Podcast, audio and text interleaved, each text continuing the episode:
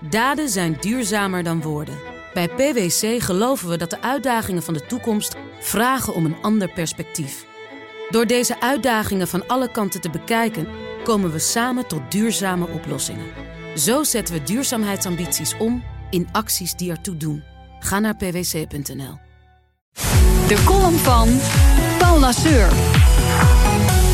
Jammer natuurlijk van het WK voetbal en dat Oranje niet eens meedoet om de hoofdprijs dit jaar. Maar economisch behoren we gelukkig wel tot de absolute wereldtop. In de race om welvaart en geluk van de bevolking spelen we al jaren Champions League. Als kers op de taart werd Nederland dit weekend officieel uitgeroepen tot wereldkampioen inkomensverdeling. Door Duitse onderzoekers notabene, dus het is echt waar. Volgens het gezaghebbende IFO-instituut heeft Nederland de eerlijkste inkomensverdeling in Europa. En dan heb je de rest van de wereld ook meteen achter je gelaten. Volgens de allernieuwste meetmethode van de Duitsers doen we het zelfs beter dan de typische sociale gidslanden Finland en Noorwegen.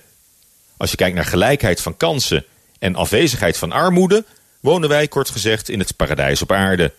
Ook al lijkt dat bij veel mensen in eigen land nauwelijks door te dringen helaas. Bij vakbond FNV is het kwartje zelfs helemaal nog niet gevallen.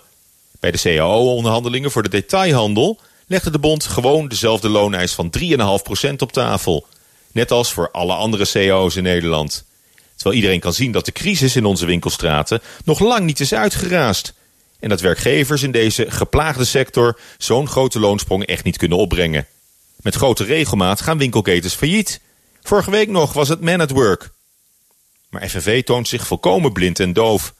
Niet alleen voor de sociaal-economische realiteit, maar ook voor het totale gebrek aan representativiteit van de bond zelf. Want wie is er nog lid? Het is de harde actie uit de vorige eeuw. Ook de stakers in het streekvervoer moeten zich schamen. Twee weken lang het publiek pesten voor een extra plaspauze. Je maakt mij niet wijs dat daarover niet te praten valt met de vervoersbedrijven. Nergens ter wereld zijn inkomens zo eerlijk verdeeld als bij ons. Nederland wereldkampioen.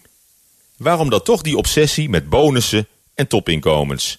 Wouter Bos bijvoorbeeld gaat voor de overheid een investeringsbank leiden. InvestNL.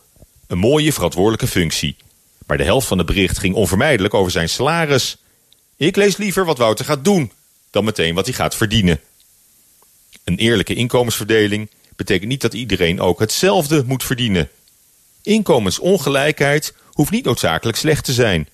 Van een eerlijke inkomensongelijkheid is, volgens de onderzoekers, sprake als er relatief weinig armoede bestaat in het land en als iedereen gelijke kansen heeft. De ongelijkheid is dan het gevolg van individuele inzet en prestaties. Ongelijk is niet oneerlijk. Prettige maandag.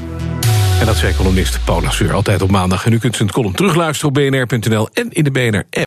Daden zijn duurzamer dan woorden. Bij PwC geloven we dat de uitdagingen van de toekomst vragen om een ander perspectief.